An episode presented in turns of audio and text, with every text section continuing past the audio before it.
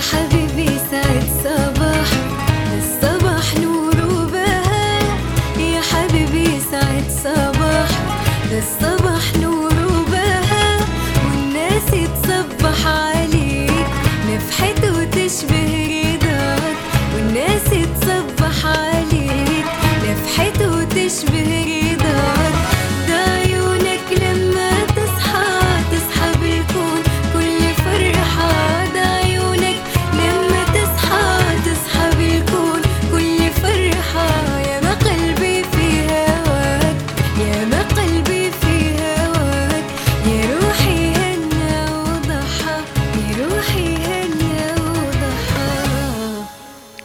صباح الخير. يا عدن.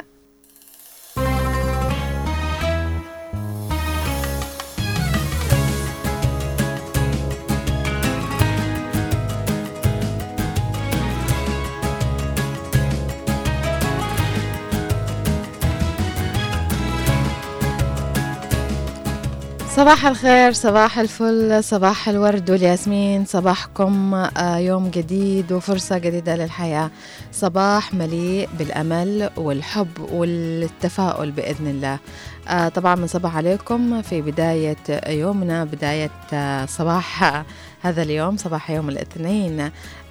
طبعا بنقول لكم إن شاء الله يا رب يكون يومكم جميل زي جمال قلوبكم بإذن الله.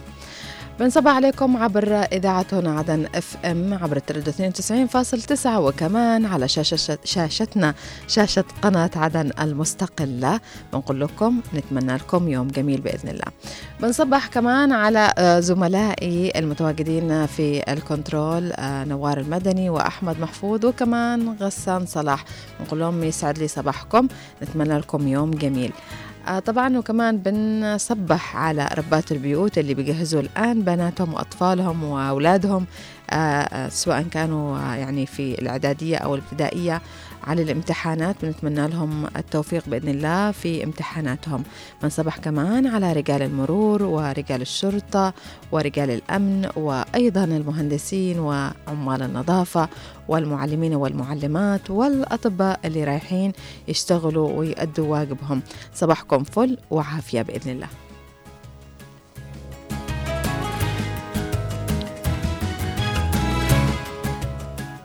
طبعا مستمعينا يعني بداية اليوم دائما دائما نحن نتكلم على شيء إيجابي أو رسالة حابين نحن نوصلها آه لكم ولنا أولا. آه أنا حابة أن نتكلم على كتاب ممكن أمس يمكن عادي حملته. في كثير من الناس يمكن قرأوه ولكن شدني آه ال- ال- العنوان حقه فحبيت أني أحمله وأقرأه. فالكتاب فن اللامبالاة. هل اللامبالاة ممكن أن نحن نتفنن فيها؟ وهل هي مفيدة في حياتنا؟ أحيانا نحن من كثر ما نحن آه، نشيل فوق دماغنا حاجات كثيرة. ممكن أنها تؤثر على نفسيتنا تؤثر على حياتنا آه، تؤثر على من حولنا بسبب أننا مدققين بكل أمور حياتنا. بكل شيء حتى لو مثلا نظرات الناس كلام الناس آه، آه، مثلا بعملنا نكون مدققين كثير.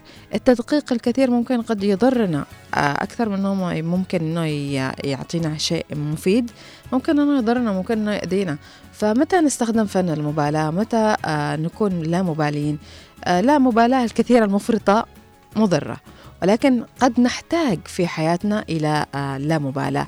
في في الأمور اللي ممكن إنها قد آه، تشغل بالنا بشكل كبير وقد إن إحنا أو تفكيرنا فيها قد آه، يعني تفكيرنا المفرط فيها قد يؤذيها. دائما في حياتنا لازم يوجد هناك توازن لازم تكون في توازن. لا نكون لا مبالين للأخير ولا نكون نفكر ونكون مدققين للأخير عشان ما نتعبش نفوسنا. فلازم لازم أن نحن نتعلم هذا الفن متى نستخدمه وبإيش من كمية وإيش الأوقات اللي ممكن أن أنا أستخدم هذا الفن آه، ومتى آه، ممكن أدقق وأحلل ومتى أكون قد يكون لا مبالي. فالأشخاص اللامبالين دائما دائما لا مبالاة المفرطة زي ما قلنا أنها مضرة وغير مفيدة. ولكن آه، اللامبالاة في أمور مثلا قد تضرنا أو, أو تربك حياتنا أو أنها تشغلنا للأخير. هنا يكون الفن لازم يكون موجود لازم نتعلمه. فاقرأوا هذا الكتاب نتمنى أنه يفيدكم في حياتكم. هذه الكتب أحيانا نحن نشوفها ونمر عليها مرور الكرام ولكن إذا تعمقنا في الكتب هذه قد تفيدنا في حياتنا وقد نتعلم منها حاجات كثيرة ويعني نطبقها في حياتنا ونستفيد منها. آه، صباحكم فل. خلونا الآن نروح نشوف إيش آه، هدية الصباح من نوار المدني ونرجع نستكمل فقرات برنامجنا.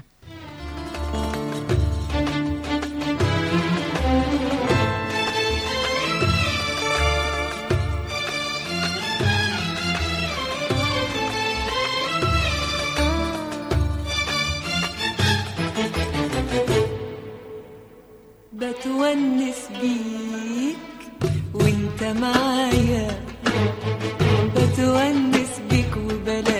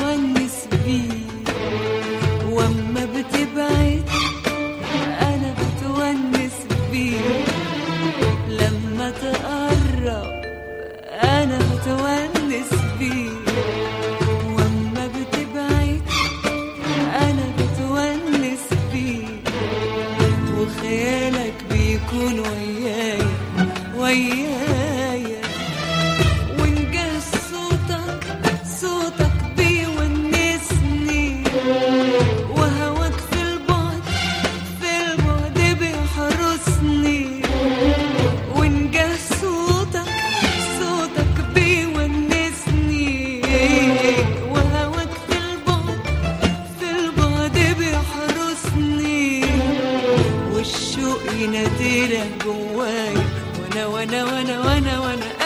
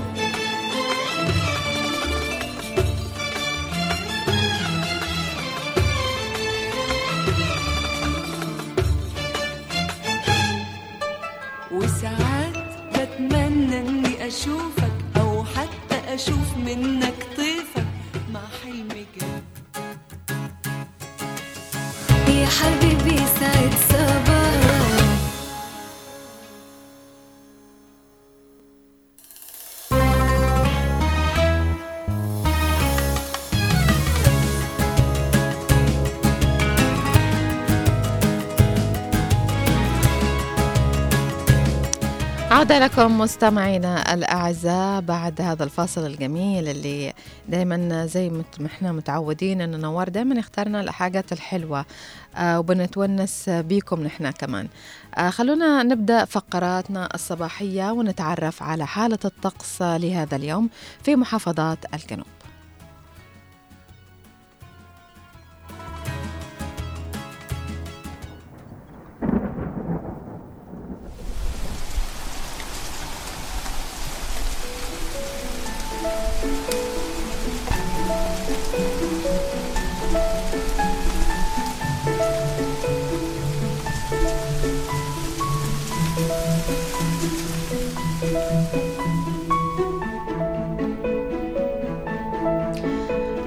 حالة الطقس المتوقع خلال هذا اليوم بمشيئة الله؟ نبدأها من لحج. لحج صباحا وظهرا. غيوم متفرقة يبدأ في الصباح درجات الحرارة ب 26 درجة مئوية. ترتفع ظهرا إلى 31 درجة مئوية. عصرا ومساء الأجواء غالبا صافية. عصرا 31 درجة مئوية. ومساء تنخفض درجة الحرارة إلى 26 درجة مئوية. ليلا هناك غيوم متفرقة في الأجواء ودرجة الحرارة تستمر بالانخفاض وتصل إلى 24 درجة مئوية. ماذا عن حالة الطقس في أبين؟ صباحا غالبا صافي ودرجة الحرارة تبدأ ب 27 درجة مئوية.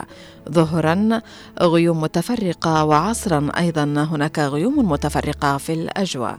درجة الحرارة في الظهر ترتفع إلى 30 درجة مئوية تنخفض عصرا إلى 29 درجة مئوية. مساء الأجواء غالبا صافية ودرجة الحرارة تنخفض إلى 27 درجة مئوية. ليلا هناك غيوم متفرقة ودرجة الحرارة تستمر بالانخفاض وتصل إلى 25 درجة مئوية. ماذا عن حالة الطقس في شبوة؟ شبوة صباحا الأجواء صافية وظهرا أيضا الأجواء صافية ودرجة الحرارة في الصباح تبدأ ب 19 درجة مئوية. ترتفع ظهرا إلى 26 درجة مئوية. عصرا ومساء الأجواء غالبا صافية. درجة الحرارة أيضا في العصر 26 درجة مئوية. تبدأ بالانخفاض مساء إلى 21 درجة مئوية. ليلا غيوم متفرقة في الأجواء ودرجة الحرارة تستمر بالانخفاض وتصل إلى 15 درجة مئوية ماذا عن حالة الطقس في يافع؟ يافع صباحا الأجواء غالبا صافية وظهرا وعصرا ولكن درجات الحرارة تتفاوت ففي الصباح تبدأ ب 18 درجة مئوية ترتفع ظهرا إلى 26 درجة مئوية. أيضا تنخفض في العصر تبدأ بالانخفاض إلى 25 درجة مئوية. مساء وليلا هناك غيوم متفرقة ودرجة الحرارة في المساء تستمر بالانخفاض وتصل إلى 18 درجة مئوية. تستمر بالانخفاض درجة الحرارة وتصل في الليل وتستقر إلى 14 درجة مئوية. دعونا نبحر إلى جزيرة الأحلام جزيرة سقطرى ونتعرف على حالة الطقس هناك وبالتحديد حديبو. ففي الصباح غيوم متفرقة ودرجة الحرارة تبدأ ب 22 درجة مئوية ظهرا وعصرا ومساء. الأجواء غالبا صافية درجة الحرارة ترتفع في الظهر إلى 25 درجة مئوية. عصرا تبدأ بالانخفاض وتصل إلى 24 درجة مئوية. مساء تستمر بالانخفاض وتصل إلى درجة حرارة 21 درجة مئوية. ليلا هناك غيوم متفرقة في الأجواء. درجة الحرارة تستمر بالانخفاض وتصل إلى 20 درجة مئوية. ماذا عن طقس محافظة حضرموت؟ ففي حضرموت في الصباح والظهر. الأجواء صافية ولكن درجات الحرارة تتفاوت. ففي الصباح 23 درجة مئوية ظهرا ترتفع إلى 29 درجة مئوية. عصرا ومساء. الأجواء غالبا صافية. درجة الحرارة تبدأ بالانخفاض عصرا إلى 26 درجة مئوية. مساء تستمر بالانخفاض وتصل إلى 21 درجة مئوية. ليلا هناك غيوم متفرقة في الأجواء. درجة الحرارة تستمر بالانخفاض وتصل إلى 19 درجة مئوية. دعونا نذهب إلى محافظة الضالع ونتعرف على حالة الطقس هناك. صباحا غالبا صافي وظهرا أيضا وعصرا ومساء. تستمر الأجواء بغالبا صافي من الصباح إلى المساء. درجات الحرارة تتفاوت ففي الصباح 16 درجة مئوية. ظهرا وعصرا ترتفع درجة الحرارة إلى 24 درجة مئوية. تبدأ بالانخفاض مساء إلى 16 درجة مئوية.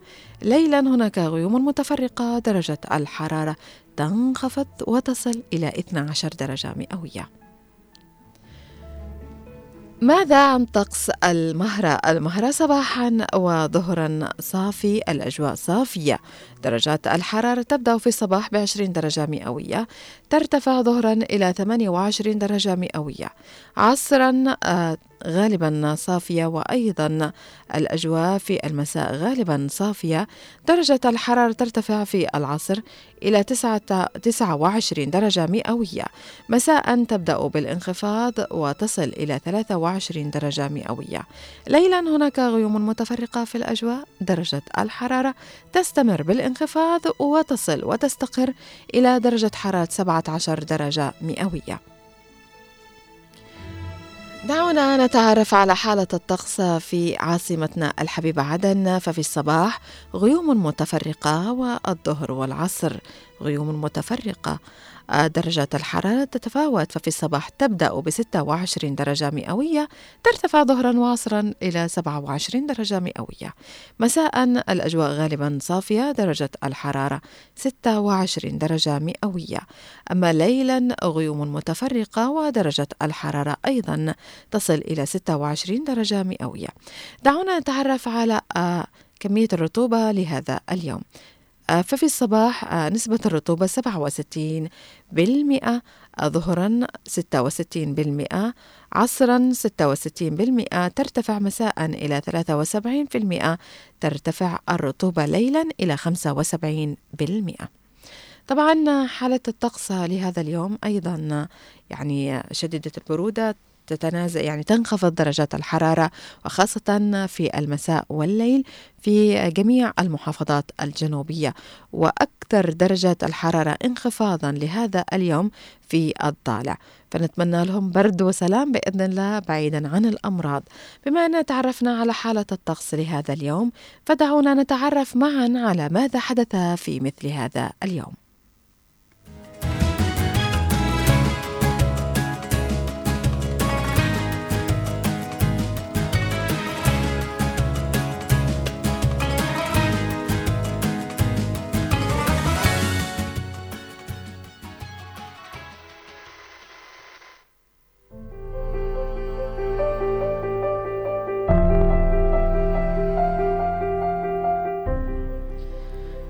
حدث في مثل هذا اليوم في الحادي عشر من ديسمبر.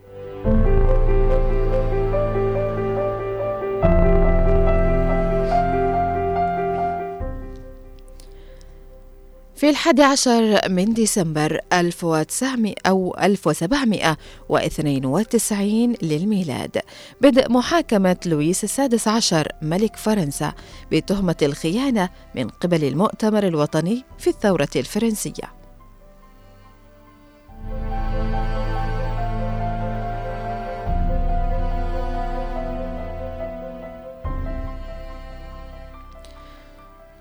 في السابع عشر من ديسمبر 1917 الفريق أول إدموند يدخل بلدة القدس القديمة حافي القدمين قائلا جملته الشهيرة الآن انتهت الحرب الصليبية.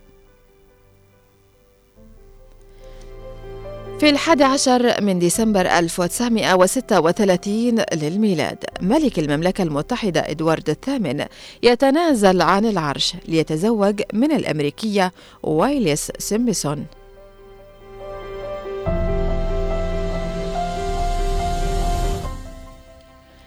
في في الحادي عشر من ديسمبر 1941 للميلاد.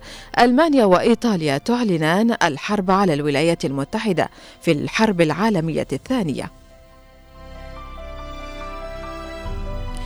في الحادي من ديس في الحادي عشر من ديسمبر 1947 للميلاد.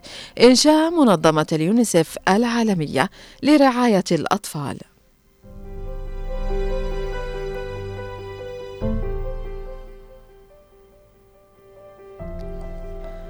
في الحادي عشر من ديسمبر 1964 للميلاد تشي جيفارا يتحدث أمام الجمعية العامة للأمم المتحدة في نيويورك.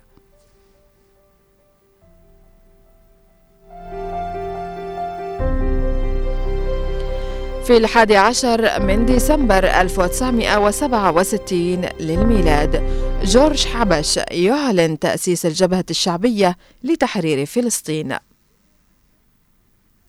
وفي الحادي عشر من ديسمبر 1972 للميلاد. هبوط رواد المركبة أوبلو 17 على سطح القمر.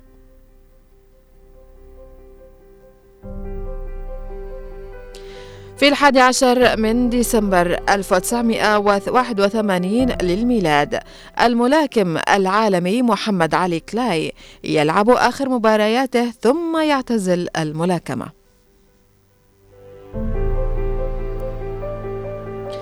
في الحادي عشر من ديسمبر 2003 انفجار طرد بريدي مرسل لرئيس تحرير جريدة السياسة الكويتية أحمد الجار الله وأدى الانفجار إلى إصابة مدير مكتبه بجروح طفيفة.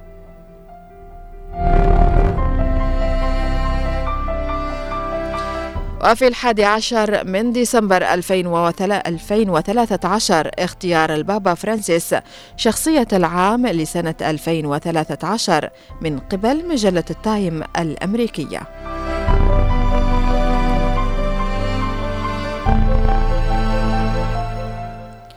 أما من مواليد هذا اليوم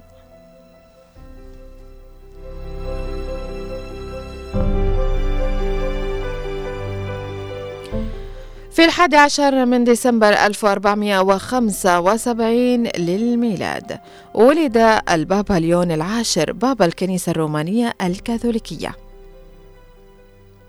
وفي الحادي عشر من ديسمبر 1781 للميلاد ولد ديفيد بورستر عالم فيزياء اسكتلندي.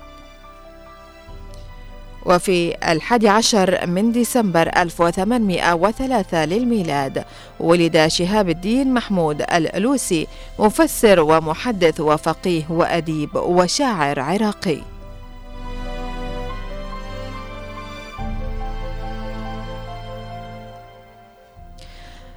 في 1908 ولد أمون غوث مون أغوث عسكري ألماني نازي ومدير معتقل بلاسوف للإبادة الجماعية. في الحادي عشر من ديسمبر 1911 للميلاد ولد نجيب محفوظ أديب وروائي مصري حاصل على جائزة نوبل في الأدب عام 1988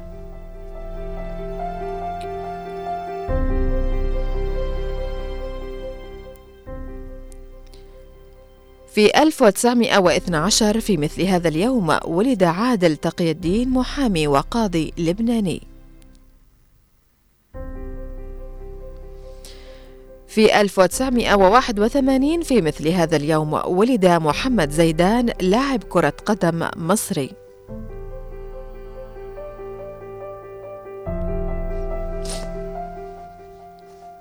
أما من وفيات هذا اليوم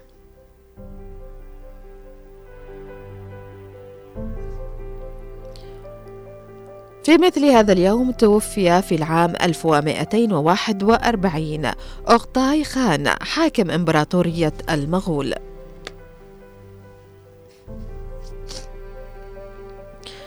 وفي مثل هذا اليوم 1904 توفي جواد محي الدين فقيه مسلم وشاعر عراقي.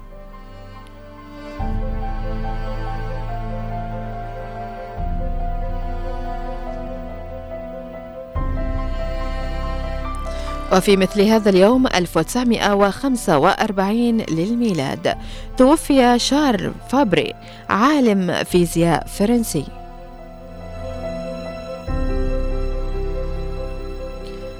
وفي مثل هذا اليوم 2010 توفي سهيل السيد أحمد شاعر أردني.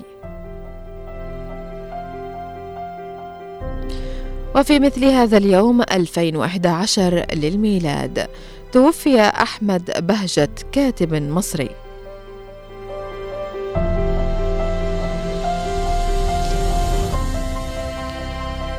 ومن الأعياد والمناسبات ذكرى تأسيس منظمة اليونسف عيد الجمهورية في بوركينيا فاسو ويوم رقصة التانجو في الأرجنتين.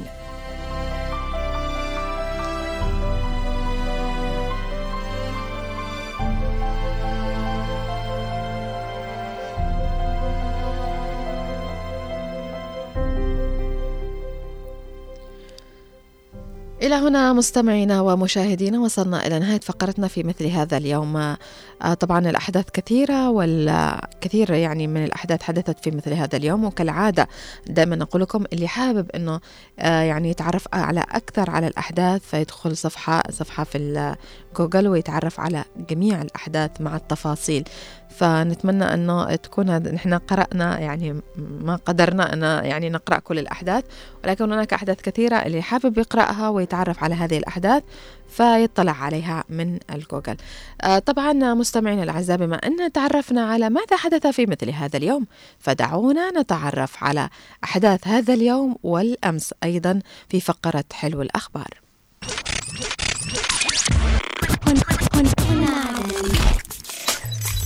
هنا عدن اف ام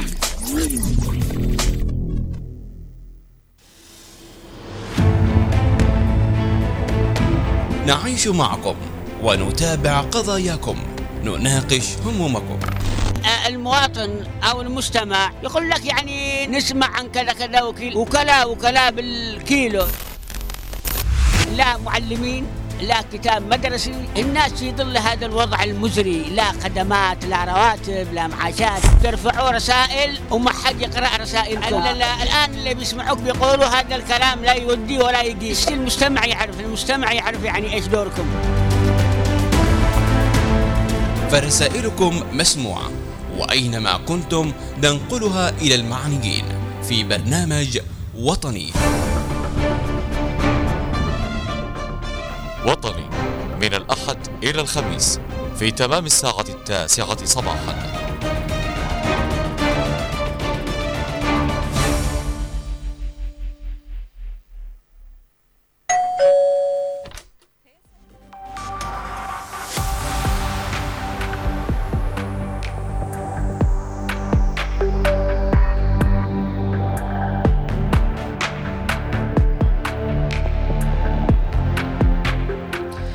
أهلا ومرحبا بكم مستمعينا ومشاهدينا في فقرة حلو الأخبار التي نتعرف معا آه، فيها على أجد الأخبار الإيجابية في عدة مواقع إلكترونية.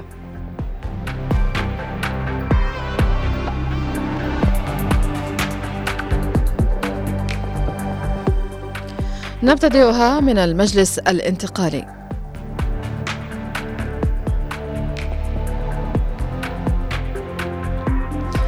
الرئيس الزبيدي يطلع على جهود قيادة وزارة الدفاع لتعزيز قدرات منتسبي المؤسسة العسكرية.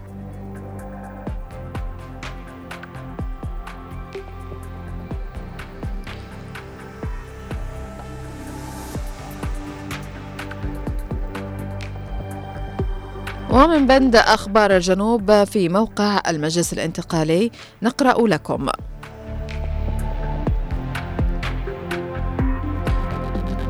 انتقال أبين ينظم ندوة بعنوان الحق القانوني في استعادة أبناء الجنوب لدولتهم.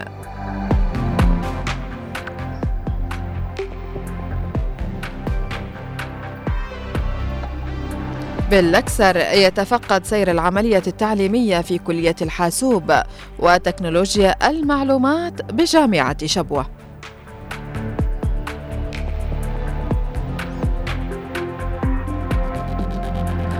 وبرعاية الانتقالي إقامة فعالية احتفالية بمناسبة اليوم العالمي للمعاق بمحافظة أبين.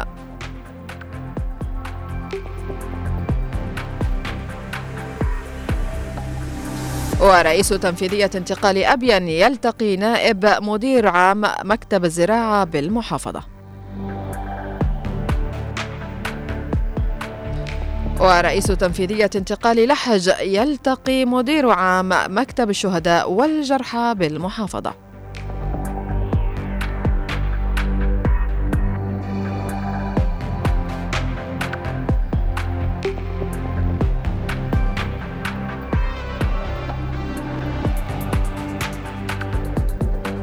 ورئيس تنفيذية انتقال حضرموت يلتقي إدارة ومؤسسة أو إدارة مؤسسة روافد للتنمية والمناضل مرزوق طالب.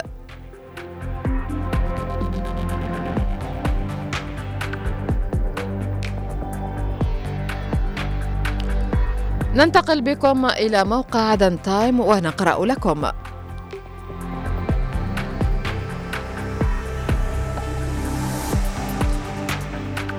استكمال مشاريع خدمية في شوارع المكلا.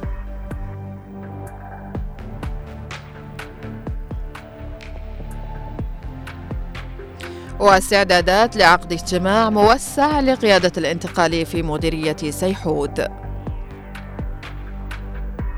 والصليب الأحمر يحتزم تنفيذ مشاريع إنسانية في لحج.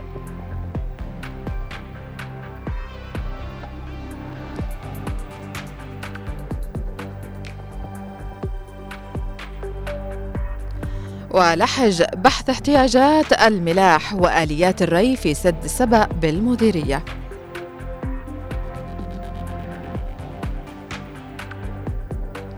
وتدشين امتحانات الفصل الدراسي الأول بمدارس حضرموت.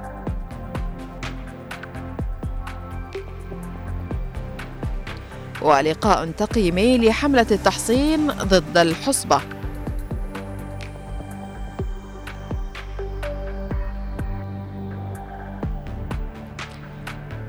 ومن بند أخبار عدن نقرأ لكم.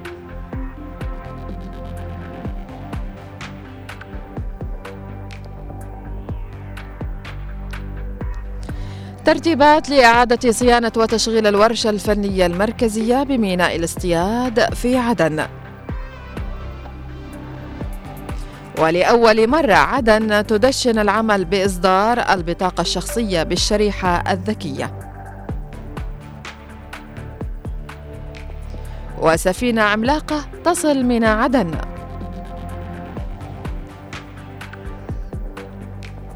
وفد ألماني يؤكد الاستعداد لدعم الميناء الاصطياد السمكي بعدن. ومطالبات بفتح تحقيق في ارتفاع أسعار الخضار في عدن.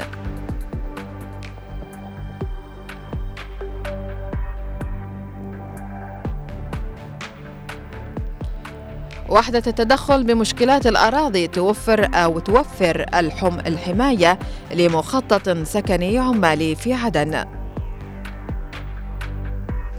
ومدير أمن عدن يطلع على احتياجات تطوير عمل الدفاع المدني.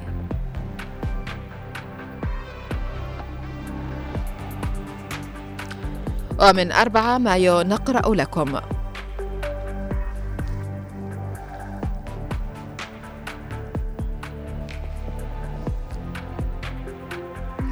وزارة الشؤون الاجتماعية تختتم حملة السادس عشر 16 يوما لمناهضة العنف ضد المرأة. واجتماع انتقالي المهرة يستعرض آخر المستجدات على الساحة المحلية.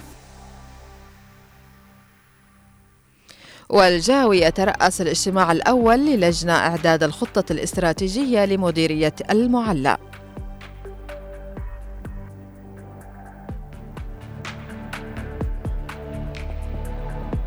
ومنسقية الانتقال في كلية التربية والعلوم بجامعة حضرموت تختتم دورة دورة الاستخدامات المتقدمة للبرنامج الإحصائي SBSS وهيئة التدريب والتأهيل تنظم ورشة تدريبية حول دور المواقع السياسية والمحلية في خدمة قضية الشعب أو شعب الجنوب.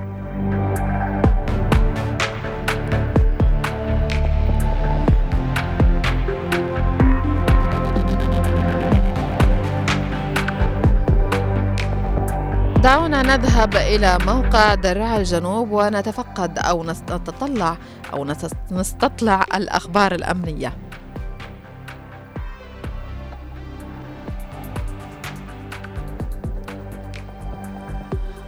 شرطة القاهرة تلقي القبض على متهم بجرائم نصب واحتيال بالعاصمة عدن. وأمن غيل بنيامين يستعيد مسروقات تقدر بعشرة مليون ريال يمني. وأمن لحج يلقي القبض على متهم بقتل ابنة أخته. وقوات دفاع شبوة تلقي القبض على متهم بترويج المخدرات بعتق.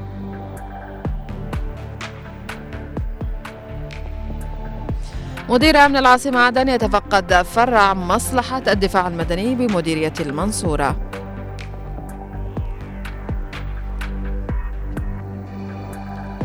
إلى هنا مستمعينا ومشاهدينا نكون قد قرأنا لكم أبرز الأخبار الإيجابية لهذا اليوم.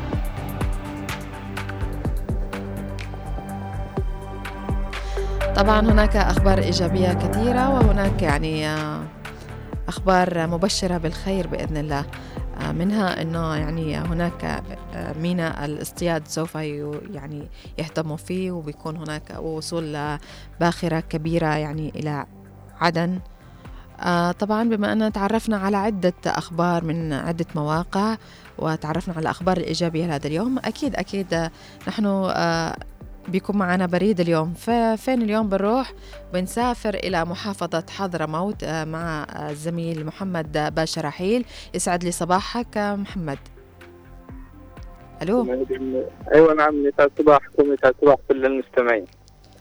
يسعد صباحك. طبعا محمد آه، أول بالبداية نقول لك إن شاء الله يكون يومك جميل. إن شاء الله ولجميع المستمعين ولكم أيضا في الاستوديو. بإذن الله. محمد أخبرنا عن الأجواء عندكم في حضرموت لهذا اليوم.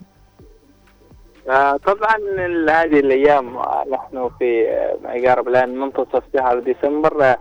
بدأت ال- الأجواء بال- بالبرودة تدريجيا بازدياد درجات البرودة وأيضا أكثر ما يميز فصل الشتاء وهو استقرار التيار الكهربائي وهذا ما يفرح به الكثير من المواطنين. أكيد أكيد. طبعا أيضا في فصل الشتاء يكون أيضا موسم لعدد من اصطياد الأسماك مثل أسماك السردين وبعد موسم الخريف وهذه الأيام تكون يعني فيها الأجواء يعني إيه، مقبلة على نشاط خصوصا في النشاط البحري. ما ذكرنا إنه يتم فتوح المواسم. أيضا أيضا أجواء الامتحانات النصفية للعام الدراسي. كل أغلب معظم الطلاب ياخذون هذه الأيام غمار الامتحانات النصفية. فعلا. آه اليوم ولهم أسبوع أو أسبوع أو بداية الأسبوع بدا بدأوا بالامتحانات. فنتمنى لهم التوفيق بإذن الله. آه محمد هل هناك مستجدات آه يعني خلال هذا الأسبوع في حضرموت؟ طبعا أكثر آه، المستجدات هو آه، آه، فعاليات ال 16 يوم لمناهضة العنف القايم على النوع الاجتماعي والمرأة. فهذه هناك أنشطة دشنتها المجلس التنسيقي لمنظمات المجتمع المدني هنا في مديرية ساحل حضرموت في تنظيم عدد من الفعاليات أهمها عدد من ورش العمل في مدينة المكلا وفي مدينة سحر وأيضا مدينة الباودير آه، شهدت آه، معرض للأسر المنتجة والمواهب الإبداعية وأيضا حفلا آه، آه، فنيا أقيم به عدد من المشاهد المسرحية أقيم آه، بمناسبة آه، 16 يوم لمناهضة العنف القائم على المرأة وتضمن عدد من المشاهد واللوحات التعبيرية المناهضه ضد العنف ضد المرأة. أيوه ف... وهل هناك أيضا مستجدات أخرى؟ هناك أيضا ورشة عمل تحديات الإعلام نظمتها منسقيات جامعة حضرموت. التابعه للمجلس الانتقالي قامت ورشة عمل حول تحديات الواقع الإعلامي في محافظة حضرموت. أيضا منسقيه جامعة حضرموت تقوم هذه الأيام بنشاط غير عادي في تنظيم عدد من الورش التدريبية والاهتمام بالجانب التدريبي والتأهيلي للطلاب بما فيه من المصلحة العامة للطلاب من تنمية المدارك والمهارات. جميل. طبعا نتمنى لك يوم جميل بإذن الله واستمتع بالأجواء الجميلة في حضرموت يا محمد وسلامنا لأهل حضرموت آه، يومهم جميل بإذن الله. طبعا آه، إلى هنا طبعا آه، خلصنا فقرات فقرات الأخبار، فقرات الأحداث وفقرات الطقس. خلونا نروح لفاصل قصير بعدين خلونا نكتمل نكمل معا اليوم مدري إيش مالي. خلونا نكمل معا فقرات برنامجنا الصباحي. فاصل قصير ونرجع لكم.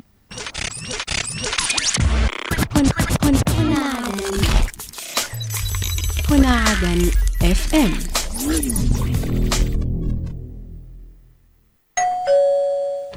عدن هنا عدن اف ام هي السلام عليكم. يا أهلا وسهلا. يا لوما ولا تسألي. فينك؟ فين الغيبة؟ ولا حد عاد يشوفك. فين اختفيتي علينا؟ والشكر قشار على عام يا لا تدوخ خبيث ما بتخرج اسكت. ما بتخرجش ولا بتروح مكان. وانت محروم من العواف. ولا ذاك المرزوع داخل البيت. راقد 24 ساعة. لا ليل وليل ولا نهار نهار. اسمعيني الآن بسألك سؤال. أربعة في ستة كم؟ يا ربي على حوشة. إيش بطبخ اليوم أني؟ في كل بيت موضوع وفي كل بيت مشكلة. كيف نحل هذه المواضيع؟ وكيف نتعامل مع مشاكلنا؟ إذا خليكم معنا في من البيت وداخل. من البيت وداخل. من الأحد إلى الخميس. في تمام الساعة العاشرة صباحاً.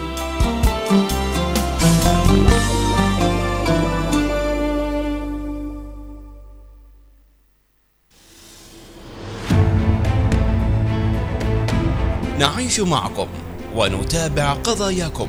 نناقش همومكم. آه، المواطن أو المستمع يقول لك يعني نسمع عن كذا كذا وكلا وكلا بالكيلو. لا معلمين لا كتاب مدرسي الناس في ظل هذا الوضع المزري. لا خدمات لا رواتب لا معاشات. ترفعوا رسائل وما حد يقرأ رسائلكم. ال- ال- الآن اللي بيسمعوك بيقولوا هذا الكلام لا يودي ولا يقيس المجتمع يعرف المجتمع يعرف يعني إيش دوركم. فرسائلكم مسموعة وأينما كنتم ننقلها إلى المعنيين في برنامج وطني.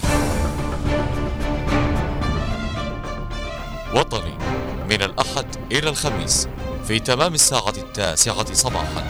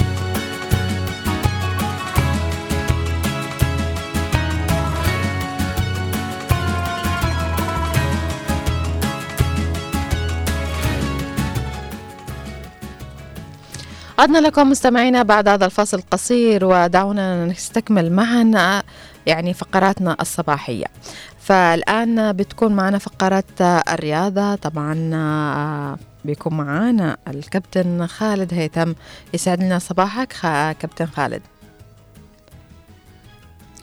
طالما ال- الاتصال ينطبخ أكيد بيكون في آه، معنا أنا أخبار- أصبح يعني على أخبار رياضية وأخبار م- مفقعه لاصحاب. لبرشلونة. مفقعة. أيوه فالمباراة امس المباريات أمس كانت آه، جدا مختلفة ومخيفة. هناك مختلفة. نتائج؟ أيوه.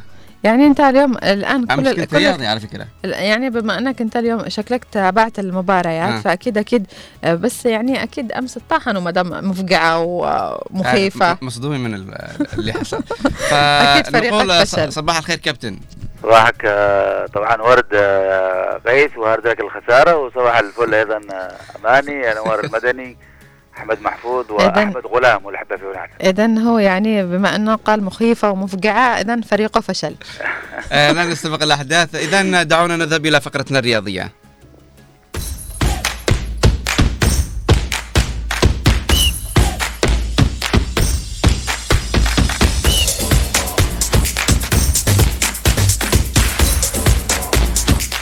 عودة سريعة لكم مستمعينا ومشاهدينا الكرام. أينما كنتم إلى فقرتنا الرياضية التي دائما وأبدا مع الكابتن خالد. كابتن خالد قبل أن نذهب للأخبار الرياضية دعنا نبدأ اليوم بمساحة الوفاء.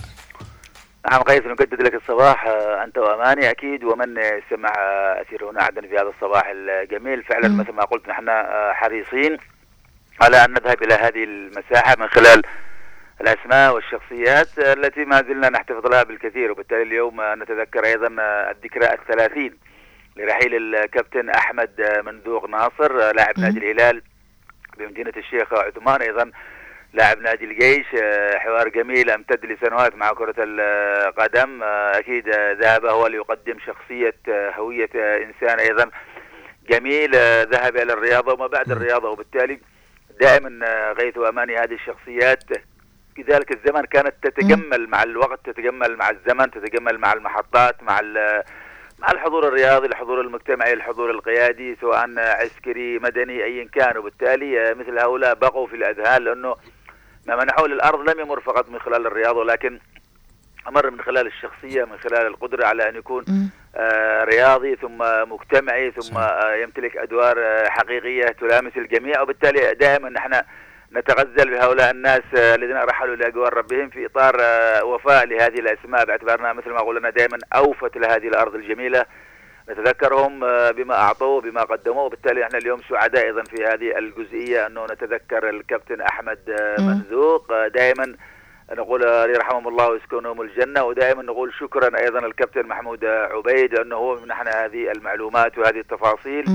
لنقدمها نحن في آه، كل صباح من خلال أثير هنا عدن فعلا آه، بما أن هناك لقاء يعني حدث بين لجنة وزارة الشباب والرياضة وأيضا مع الاتحاد العام. لكرة القدم آه، فما هي النتائج هذا اللقاء؟ أماني طبعا آه، حديثنا نحن كرياضة في الجنوب وعدن آه، مع اتحاد كرة القدم يمتد إلى بعض المنعطفات بمعنى أنه هناك آه، مشكلة هؤلاء أرادوا أن يذهبوا بها إلى العناد. استمرت المشكلة تفاقمت آه، انطلقنا نحن مع رياضة عدن مع رياضة الجنوب آه، بحضورنا الذهني بحضورنا ال- الثقافي المتميز الذي ينتمي إلى أرض وهوية وإنسان وبالتالي أيضا اليوم هناك حديث ربما في مساحة أخرى أنه في هناك لجنة شكلت من اتحاد من وزارة الشباب لحل إشكالية أندية عدن مع واتحاد كرة القدم. وبالتالي الأندية لبت ال- الطلب ذهبت إلى ديوان الوزارة أمس. اجتمعت في اللجنة طبعا لرئاسة الدكتور عزام خليفة. وهناك شخصيات أيضا محترمة من ضمنها أحمد محسن المجدلي الكابتن الأحمدي علي موسى أستاذ أيضا حسين الوالي وأيضا أحمد العبد. شخصيات جميلة الكل يحترمها وبالتالي ذهب إليها ليطرح ما لديه. أندية عدن قالت أنها مع الحل لكن عندما يكون من بوابة حقيقية سليمة فعلا لا تقبل إلا بأن تنتهي المشكلة وليس بالتجاذب مع الأمر والمعطيات التي لا تخدم الموضوع. أكيد أنه الاجتماع آه، بالنسبة لنا ثقل لأنه آه، جمع في الأخير أبناء الجنوب في مساحة واحدة. نتمنى أن يكون هناك شيء مختلف وأن تنتهي هذه الإشكالية وأن يعود الجميع إلى لحمة الرياضة وأخلاق الرياضة وسلوكها.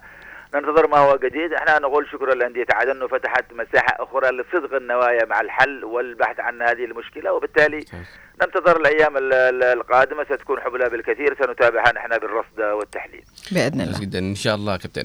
كابتن آه، دعنا نذهب إلى شبوة ونتحدث عن آه، مهرجان شبوة الرياضيه الأول لعام 2023 نعم أجمل ما في المهرجان آه، قيد إنه ختم وأجمل ما في إنه شبوة تشهد بطولة للسباحة لأول مرة في تاريخ رياضة شبوه هناك 50 آه، متر سباحة. طبعا نحن نعرف انه المسابحة قليلة الحضور بنى تحتية مش موجودة لكن أحيانا البعض بيتحدى الظرف ويذهب صحيح. إلى ما هو موجود على الواقع. أكيد بطولة جميلة توقف فيها السباح عوض محمد العس في أول آه، طبعا مشاركة لنادي غانا رضوم بالمركز الأول. في حين السباح أيضا علي عبد ربه ناصر جاء في المركز الثاني. أيضا نواف صالح في المركز ال- الثالث وبالتالي نتحدث على أنه هناك من آه، يعني يسعى إلى الرياضة حتى في المركز الرابع أيضا جاء طارق محمد البكير يسعى لخلق الأجواء. آه، كل هذا يأتي طبعا تحت سقف رعاية دائرة الشباب والرياضة بالمجلس الانتقالي الجنوبي وإدارة ال- الانتقالي هناك أيضا. وبالتالي نحن سعداء انه شبوه آه، تتبسم مع الرياضة تتجمل بالمواعيد.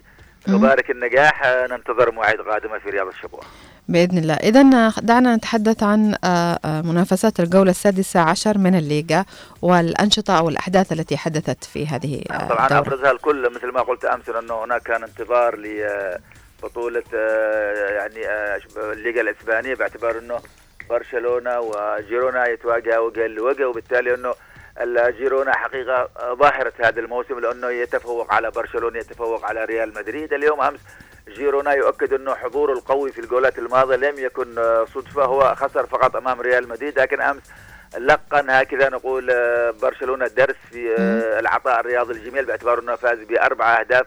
برشلونة ليس في حال جيد. برشلونة أكيد يعاني هناك أنا في رأيي الشخصي أنه ربما فجوه ما بين إمكانيات آه، تشافي وإن كان نجح في أول موسم في خطف الدوري لكن ما زال تشافي يحتاج إلى الخبرة الكافية للتعاطي مع المباريات آه، نتيجة قاسية على برشلونة أربع أهداف لاثنين من جيرونا الذي استعاد الصدارة آه، واستفاد من طبعا من تعادل ريال مدريد.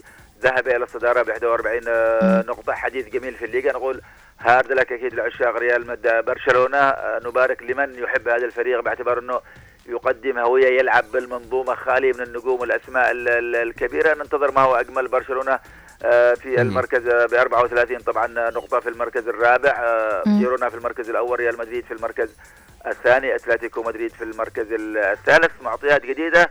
فيها أيضا أمس إنه أيضا مثل ما قلت أتلتيكو صعد إلى المركز الثالث بالفوز على إلميريا بهدفين آه، لهدف آه، قرناطة أيضا خسر أمام أتلتيكو آه، بلباو بصفر لهدف قادش أيضا تعادل مع اساسونا آه، بهدف لهدف.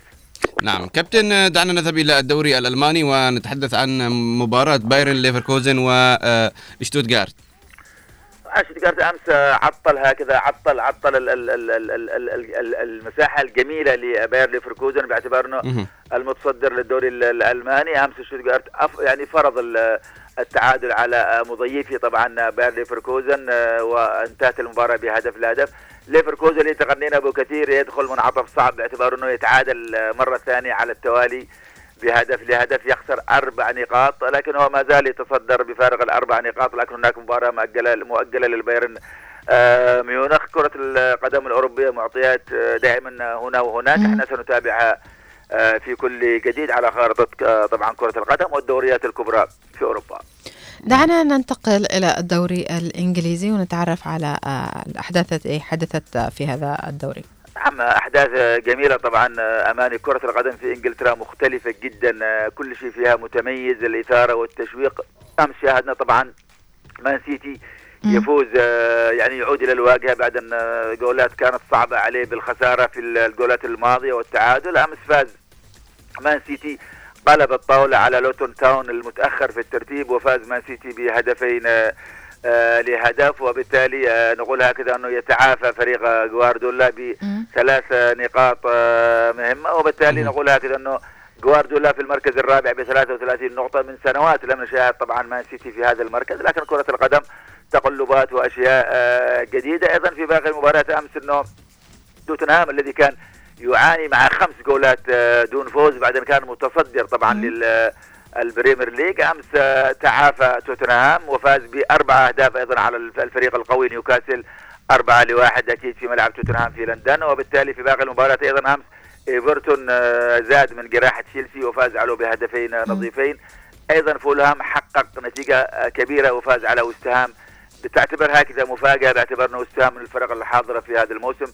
فولهام فاز بخمسة أهداف. آه، ننتظر ما هو جديد في ال- ال Premier League وكرة القدم الإنجليزية. نعم كابتن ما هي نتائج الدوري الإيطالي؟ وهل هناك مباريات لهذا اليوم؟ آه نعم. آه سأختصر لك المسافة غيث أنت لعبت لي كرة بينية جميلة طبعا.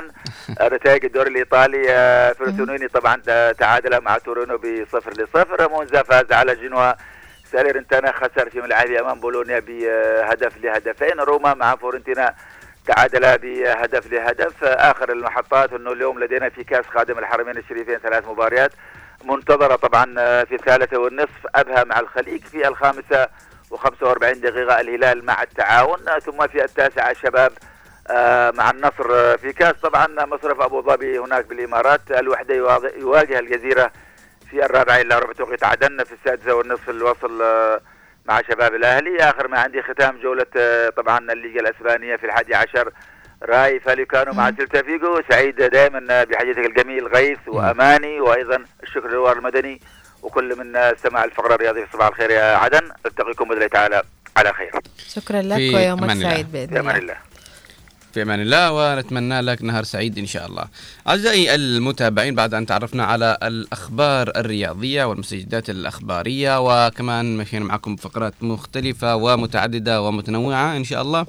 آه، دعونا آه، نذهب إلى فاصل ومن ثم نعود لكم بموضوعنا لهذا اليوم وهو موضوع مهم وشيق للغاية ونحتاج أن نعرف عنه أكثر ألا وهي ألا وهو آه، الحديث عن الشحنات في الدماغ فموضوع اليوم قد يكون مهم جدا وقد يكون في هناك بعض المعلومات التي يجهلها الكثيرون. فخلوكم بالقرب نذهب لفاصل ومن ثم نعود لكم.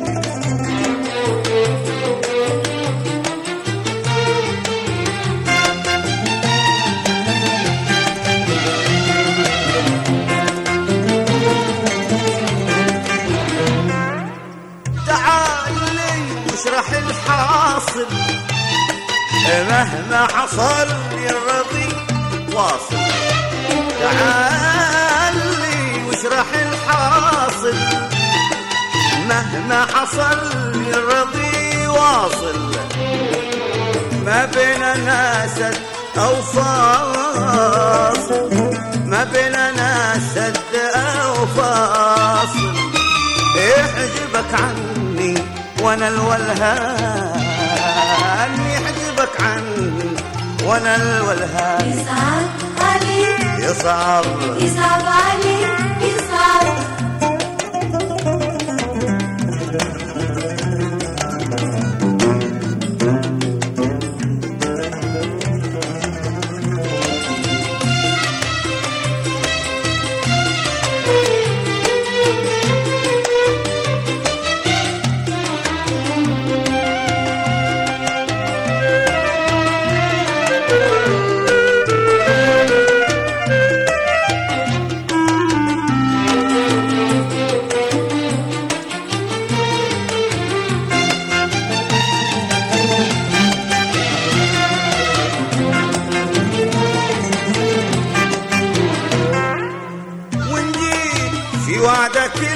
معهود يا ابو الوفاء والكرم والجود نجي في وعدك المعهود يا أبو الوفاء والكرم والجود يا غاية القصد والمقصود يا غاية القصد والمقصود ما تفرح القلب والوجدان يسرح القلب والوجدان يصعب عليك يصعب. يصعب عليك. يصعب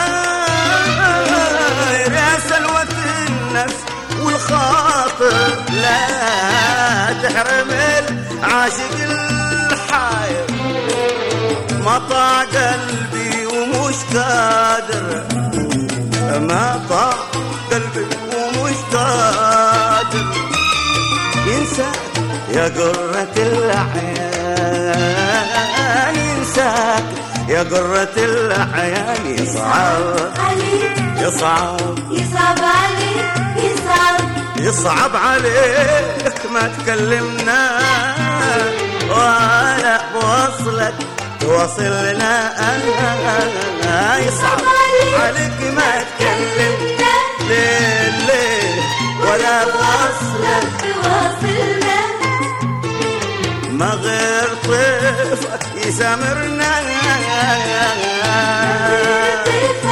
يسامرنا ما اللي حصل يا غصين البال؟ ما اللي حصل يا غصين اللي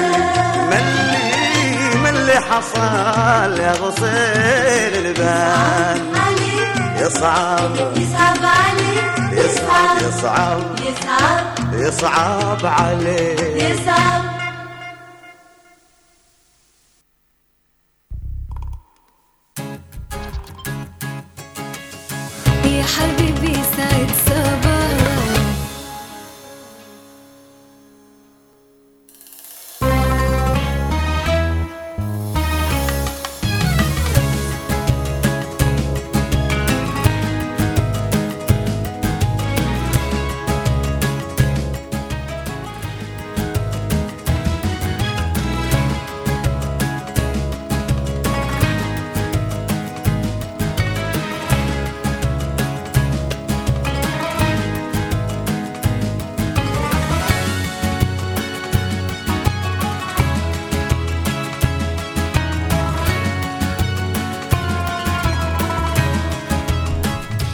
عدنا لكم مستمعينا ومشاهدينا الكرام أينما كنتم دخلنا إلى آه، موضوعنا لهذا اليوم الموضوع هو موضوع طبي دائما آه، كل يوم مثل هذا اليوم دائما نتحدث عن مواضيع آه، طبية.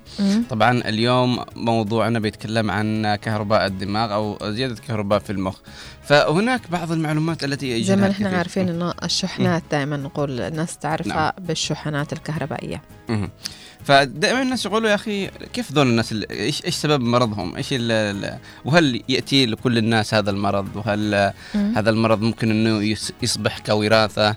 فكثير من الأسئلة قد تراود البعض إنه آه هذا مرض يعني في البعض ياتي بشدة وبعضهم إنه يقولوا كوراثه. ولكن إحنا بن بن بنتكلم عن هذا الموضوع لكن بشكل آه كذا م، محبوب مختصر وليس بالشكل المعقد وإنما نشتي ك- نفهم إيش إيش هذا أيوة. المرض. يمكن كثير من الناس يسمعوا عنه ولكن في أسئلة كثيرة زي ما قلت يشتوا يسألوها؟ هل هو وراثة؟ هل هو يعني مكتسب؟ إيش الأعراض ال- لهذا المرض كيف ممكن اكتشفه آه، ممكن يعني آه، إذا ت- طور المرض في جسدي آه، إلى إيش يعني يوصل؟ فنشي اليوم نتعرف على هذه المعلومات كلها وبيكون معنا طبيب بإذن الله. بإذن الله سيكون معنا. ونتكلم معه بشكل أوسع عن هذا آه، المرض. نعم آه طبعا آه لو اجينا نتكلم عن آه زيادة كهرباء المخ يعني دائما إن الخلايا معروف إن الخلايا آه في الدماغ تستخدم الإشارات الكهربائية للتواصل مع بعضها البعض. وعادة ما يتم آه تنظيم هذه الإشارات الكهربائية بعناية شديدة عشان لو زادت في خطر لو قلت في خطر أكيد إذا نقصت فيكون في مرض إذا أكيد. أيوة ولكن أحيانا قد تحدث زيادة في شحنات الكهربائية في الدماغ عندما يكون هناك تفريغ كهربائي غير طبيعي لخلايا الدماغ على دفعة واحدة ويطلق على هذه الحالة اسم نوبة الصرع طبعا ال- آه، الدكتور اللي بيكون ضيفنا اليوم كان حدثني قال ليش ما تكلمتوا عن ذا الموضوع في 2 نوفمبر؟ أعتقد كان اليوم العالمي للصرع قلنا له مش مشكلة بنتكلم عنه مرة أخرى في السنة القادمة لكن آه نحتاج نتكلم ما أيوة. مش مش بعيد يعني. نوفمبر كان قريب ممكن أيوة. نتكلم عليه اليوم مش مشكلة. نعم. فقلنا أنه أحيانا يز- يزداد هناك شحنات كهربائية في آه، في آه، الدماغ ولكن آه، هذا يطلق عليه اسم إيش؟ الصرع. ف يؤدي تؤدي الشحنات الكهربائية إذا مثلا الإنسان ما لحقش نفسه تؤدي إلى الصرع يعني فنتمنى السلامة للناس اللي مم. عندهم هذا المرض توقف جميع النوبات تقريبا في أقل من خمس دقائق ومعظمها في أقل من دقيقتين لكن في حالات نادرة يمكن أن تستمر النوبات لعدة دقائق أو حتى كمان ساعة. آه طب إيش الأسباب زيادة كهرباء المخ يا غيث؟ شوفي يقول لك غالبا إنما تكون النوبات اللي يمكن آه، التعرف عليها بسبب الح- الحالات التي يتعطل فيها آه، التدفق الطبيعي للكهرباء في الدماغ. يعني كلها على حسب إنه مثلا حص- حصلت آه مثلا صدمة رأس. في معك سكتة دماغية وفي أحيانا يسم ال- في عدوى. يمكن أن تؤدي هذه الشحنات المفرطة في من الخلايا العصبية إلى حدوث نوبات وهي السبب الأكثر شيوعا للصرع الذي يبدأ في مرحلة الطفولة في بعضهم يعني من. الطفل لاحظ عنده تشنجات عصبية. وعنده آه هذه الأمور أحيانا يبدأ بسبب أنه آه الشحنات تكون مفرطة من منذ يعني نعومة الأظافر صحيح نحن أحيانا في حاجات كثيرة يعني ممكن تصير لنا لكن ما نستوعبش ولا نقول إنه ممكن يكون هذه شحنات نقول يمكن تعب يمكن إرهاق يمكن هبوط مم. لكن ما يجيش ببالنا ابدا إنها تكون شحنات وهكذا نهملها نهملها إلى أن تصير يعني مرض يعني ويؤثر على حياتنا بشكل كبير ويوصل إلى الصرع فلذلك اليوم نحن نتعرف على كيف ممكن إنه أنا إذا صار لي آه هذه الأشياء الأعراض أو صار لابني أو أيوة. بنتي أو أخي أخي أو أختي فممكن أعرف إني فين اوديه ثاني مش أروح الف فوق الف فوق حول العالم وأفحص له كل الفحوصات وهو في بو صرع أو في آه أيوة. شحنات فإحنا لازم نكون careful في التعامل مع. هذه الحالات حتى وإني يعني نلاحظ أبننا إنه يصير بشكل آه، عصبي وكذا وتشنجات يعني لابد نحن نأخذ بعين الاعتبار إنه okay بنأخذ عند طبيب نعرف إذا كان مم. هذا صرع طبيعي أو مجرد أعصاب فاحيانا هذه زيادة العوامل تسبب الضغط العصبي الحرمان من النوم والتعب وقله. تناول الطعام تع... آه، أحيانا كمان تعاطي الكحول والمخدرات أحيانا قد تؤدي إلى هذه الحالات طيب بيكون معنا الدكتور آه، آه، قاسم الأصبحي استشاري جراحة المخ والأعصاب ورئيس قسم جراحة المخ والأعصاب في مستشفى الجمهورية التعليمي وكذلك منسق بورد جراحة المخ والأعصاب في عدن. نقول يا صباح الخير. صباح النور والسرور يا صباح, صباح العافية الخير. عليك دكتورنا. دكتورنا طبعا اليوم بنتحدث عن آه، آه، الشحنات اللي في الدماغ أو آه، بشكل عام زيادة الكهرباء في المخ. فاحنا دائما ما نسمع عن عن شيء كهذا أو مرض اسمه شحنات الدماغ. فيا حبذا لو تحدثنا عن هذا آه، المرض آه، بشكل بسيط. آه، اولا يسرني أن أتقدم بالشكر لإذاعة هنا عدن لاستضافتي في هذا البرنامج الصباحي. مم. أهلا وسهلا.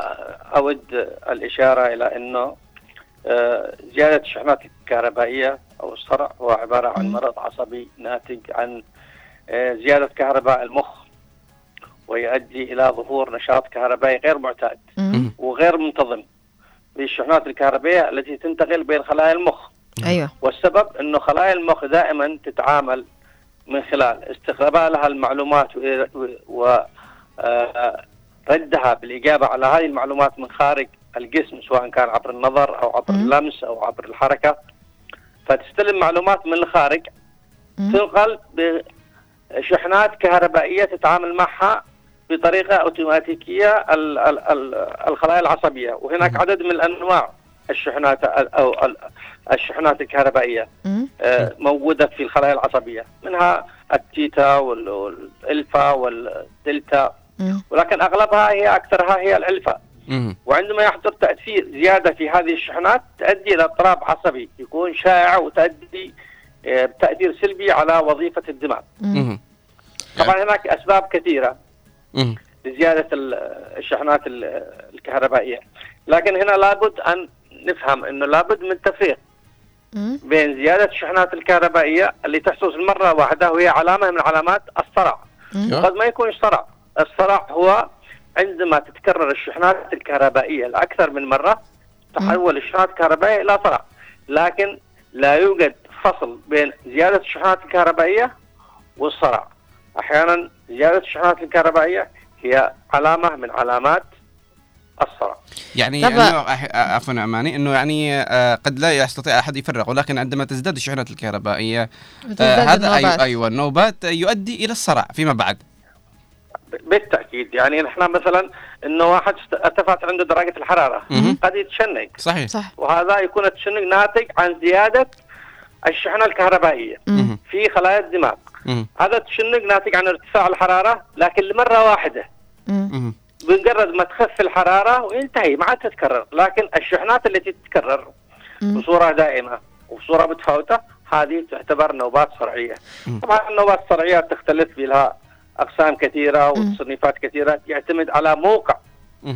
اللي تأثرت الخلايا العصبية في الدماغ. أحيانا في مقدمة الرأس في الفص الصدغي في الفص مم. الخلفي فين تكون هنا تعطي آه، نوبة صرع مختلفة بحسب موقع التأثير إذا دكتور أنت ذكرت أنه هناك أسباب فما هي الأسباب؟ طبعا أهم الأسباب اللي اللي اللي ممكن طبعا في نسبة كبيرة من حالات الصرع. آه، تكون ناتجة عن آه، أسباب غير معروفة يعني مجهولة السبب. حلو. لكن في أسباب أخرى منها الأسباب الوراثية إنه إذا كان الشخص عنده آه، في والديه أو أحد والديه قد تنتقل عبر الجينات وتصلح له نوع من أنواع ال- الحالات هذه. طبعا اللي يتعرضوا للصعقات الكهربائية بصورة دائمة هم يكونوا أكثر عرضة لهذه الحالات. الذي يتعرضوا أيضا لنسبة كبيرة أو لفترات طويلة من الموجات الكهرومغناطيسية اللي يفرط في استخدام الجوال. يعني الجوال يكون جنب راسه فترات طويلة. ويتكلم كثير يشحنه جنب بالجوال راسه يتكلم جنب راسه يتكلم كثير. هذه شحنات كهرومغناطيسية. هذه يكونوا أكثر آه، يعني تكون نسبة منهم عرضة للشحنات الكهربائية. ال- الأورام الدماغية بمختلف أنواعها. أحيانا تسبب آه، نوبات صرع وشحنات كهربائية. الأمراض اللي فيها المناعة تكون ناقصة زي أمراض التصلب العصبي المتعدد زي الذئبه الحمراء هذه كلها آه، أسباب قد تؤدي إلى إلى إلى جانب إنه أحيانا سوء التغذية نقص الأكسجين إصابات الرأس اللي تحصل. وهذه واحدة من الأسباب اللي ممكن آه، تؤدي إلى النوبات أو زيادة الشحنات أو النوبات الصرعية المختلفة. دكتور كمان ال- المخدرات والكحول أحيانا تؤدي إلى ذلك طبعا المخدرات والكحول المخدرات والكحول الإفراط في السهر هذه من الأسباب اللي تزيد هذا ال- ه- ه- هذه العلامات. آه، دكتور. هناك هناك أحيانا مثلا قد يصاب شخص آه، في حالة مرضية مثلا آه، أصيبت آه، فترة يعني تفقد ذاكرة جزئية ل- ل- لجزء بسيط من الوقت أقل يعني من دقيقة. ففجأة يلاقي نفسه مش عارف هو فين؟ ويرتجف و- ويعني ومش عارف حتى ممكن إنه يقرأ أو يمارس أي نشاط. وأحيانا يكون يعني تتكرر في هذه النوبة. فكيف ممكن اننا نشخصها؟ هل هي من الشحنات أو حاجة ثانية؟ طبعا كما أشرت لك إنه يعتمد على منطقة ال ال الس- الس- الس- اللي ت- اللي تصاب في الدماغ. ال- المنطقة هذه قد تحصل و- وتؤدي إلى فقدان الوعي لفترة بسيطة، طبعا نوبات الصرع أحيانا تكون من دقيقتين إلى خمس دقائق، لكنها تتناوب. يعني وفي بعضها تكون دائمة تكون قوية جدا وتؤدي لفترات طويلة. وتحتاج إنه المريض يتم إدخاله الانعاش من أجل إدخاله تحت التخدير العام من أجل تخفيف من. تأثير زيادة الشحنات. لأن كل ما زادت الشحنات كل ما تكررت أكثر مرة كل في كل حالة تتلف بعض الخلايا الدماغية. وهذا التلف يؤدي إلى نقص في الإدراك نقص في ال ال في وظيفة الخلية العصبية بشكل عام. أيوه. ولهذا لابد لابد من الحد من هذه ال- الشحنات من خلال الوقاية منها سواء كان باستخدام الأدوية سواء كان بتجنب القلق وتجنب السهر واستخدام ال- العقاقير ال- يعني الكحول وال ال- ال- المخدرة أيوه. هذه كلها طبعا دكتور قاسم نقدر نقول إنه يعني زي ما قلت انه أحيانا قد يختلف منطقة آه، اللي في الرأس قد يكون في فص الصدغي قد يكون في الجنب قد يكون في أماكن مختلفة مم. كذلك إلى أنه يعني آه، نستطيع القول إنه قد يستطيع أي واحد إنه يتعرض لهذا المرض أو لهذا لهذه شحنات الدماغ أو زي ما نقول الصرع طالما هو يسهر طالما هو يعني ينام والهدف بجانبه. إنه يشرب كحول أو مخدرات أو زي ما يقول يح أحيانا يحصل نقص في الأكسجين في الدماغ ويسبب الصرع فيعني قد يص... قد يكون المعر... ال- الجميع معرض ب... لهذا المرض. طبعا كل الناس كل الناس معرضة لهذا المرض وهذا المرض شائع فيه أكثر من يعني ملايين الناس يعانون من هذا ال- ال- ال- من من زيادة الشحنات الكهربائية أو من الصرع. والسبب يعود إنه واحد من أسباب ال- الصرع زي ما قلت لك إنه السهر. وأحيانا التوتر العصبي الضغط النفسي اللي موجود. يؤدي إلى زيادة آه، النوبات. إنهاك الخلية العصبية ويؤدي إلى تفريط في ال- في النوبات في الشحنات الكهربائيه اللي تعمل على ضوءها الخلايا العصبية. ولهذا الإصابة فيه كثيرة. وما فيش حد ما فيه من هذه الإصابة لكن في أسباب أحيانا أساسية كما أشرت سابقا. إصابات الرأس الأورام الدماغية الأمراض اللي مثلا أحيانا آه، فقر الدم نقص السكر. بعض الأملاح اللي ما تكون ناقصة تؤدي إلى هذه التشنجات مثلا نقص الكالسيوم أحيانا يؤدي إلى تشنجات.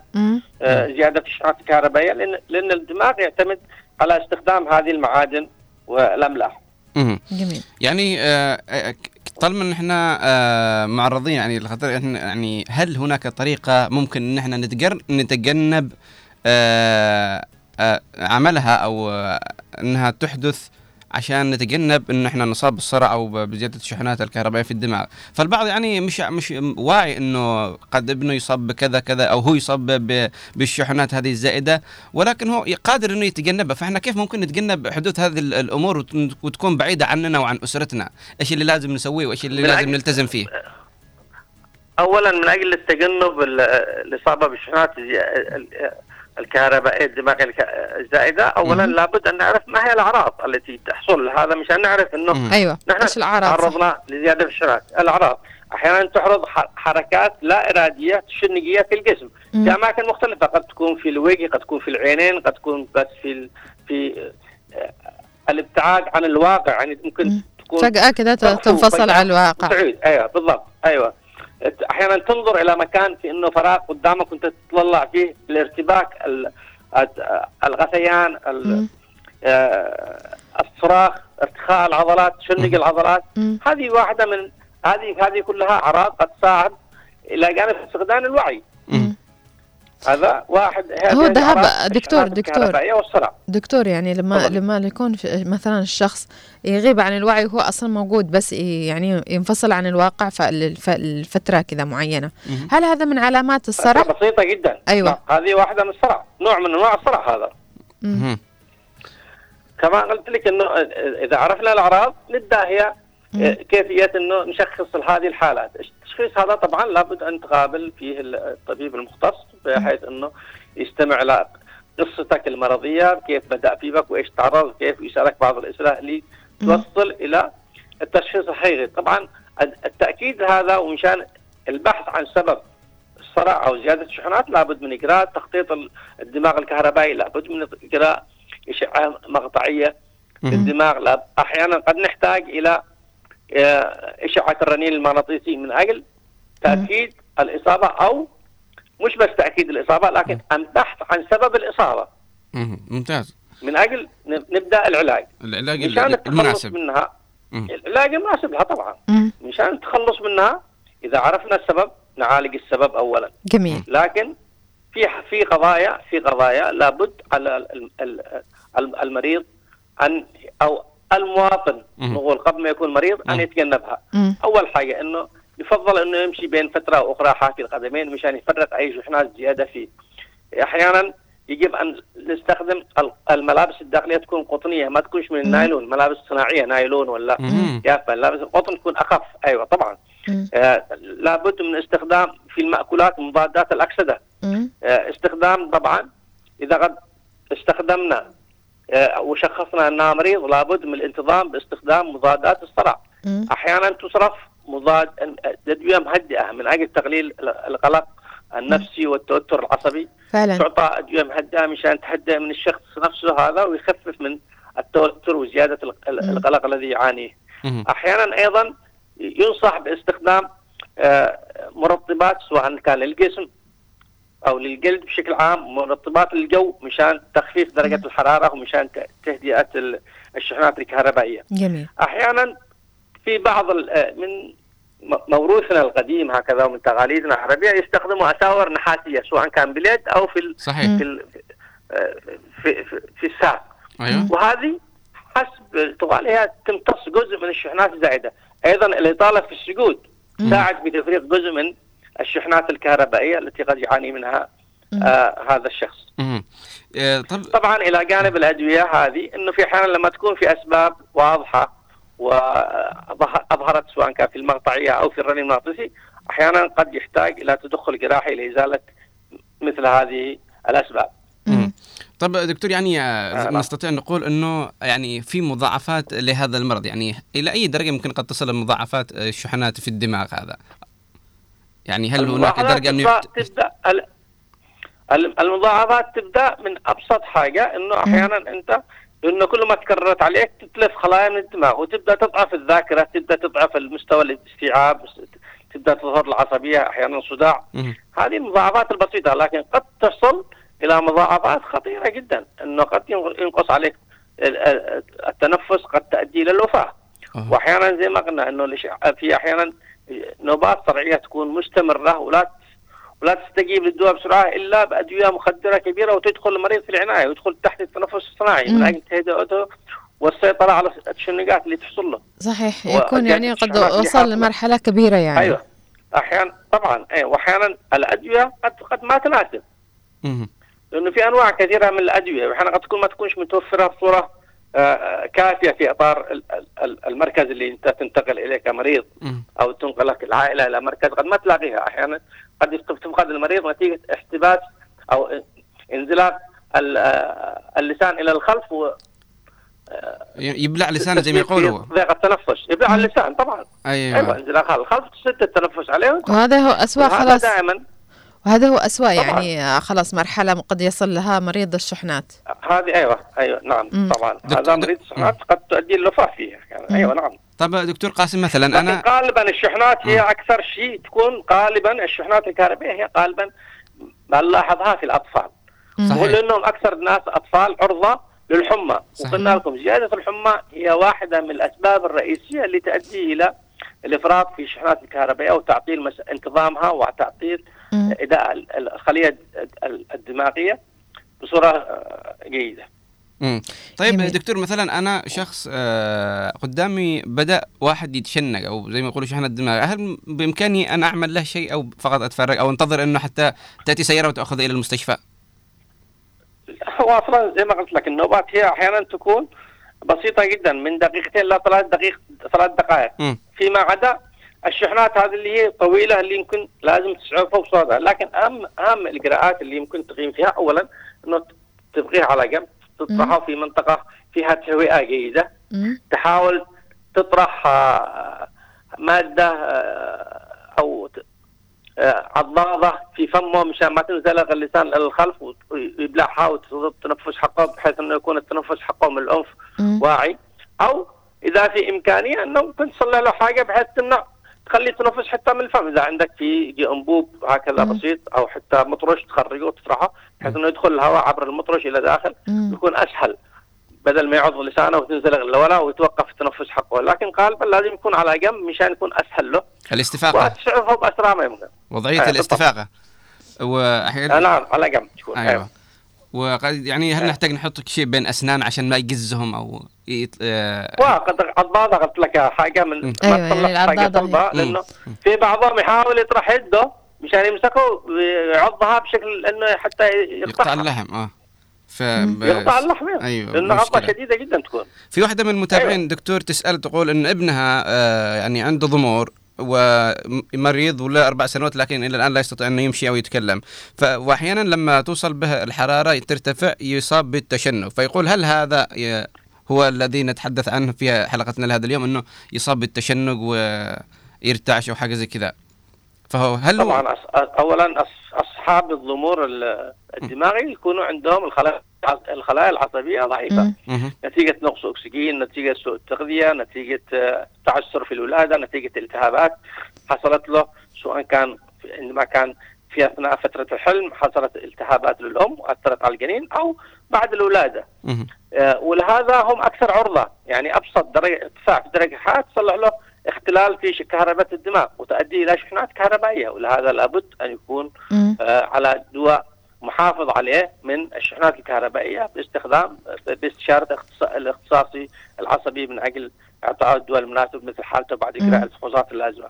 طبعا أحيانا الأدوية المضادة للتشنجات أو الصرع قد تؤدي إلى مضاعفات أها. وهذه المضاعفات تتطلب مننا إنه المريض اللي يستخدم هذه الأدوية أن يراجع بصورة دورية من أجل نلاحظ إذا في أي مضاعفات لهذا الدواء أو ذاك ونتجنبه ونستبدله بدواء آخر. دكتور إذا ما مثلا يعنيش انه الدواء. صلح مضاعفات. خلاص ما عاد بيستفيد شنو. لا في عندنا أنواع كثيرة. من أنواع مضادات الصرع. ولهذا إذا قد ما يناسبنا هذا النوع لكن قد يناسبنا نوع آخر. نكون حذرين. هذا لابد من المراجعه الدولية. من أجل ملاحظة إذا في أي مضاعفات من تأثير استخدام الدواء إلى جانب إنه الفحص الدوري لنسبة الدم والسكر وظائف الكبد والكلى. انهم هذه هذه هذه الحاجات الأساسية. يعني بعضهم قد يدوخ ما يكونش نتيجة صرع صحيح. لكن نقص سكر عنده. صحيح. صح؟ مم. ولهذا بسيط جدا. يعني أنت ممكن تعطيه تغذيه زي الناس تعطيه حالي بحسب الإمكانيات بحسب عشان تشوف إنه يعني من المواد فين. الحالية. ويساعد. أي ما ما ما- بيتأثر. ولهذا تقدر تقيم المريض من خلال مراجعته وانتظامه في مراجعة الطبيب المختص بصورة دورية. مش إنه لازم إنه يراجعه كل شهر لكن ممكن كل ثلاثة أشهر ممكن كل ستة أشهر.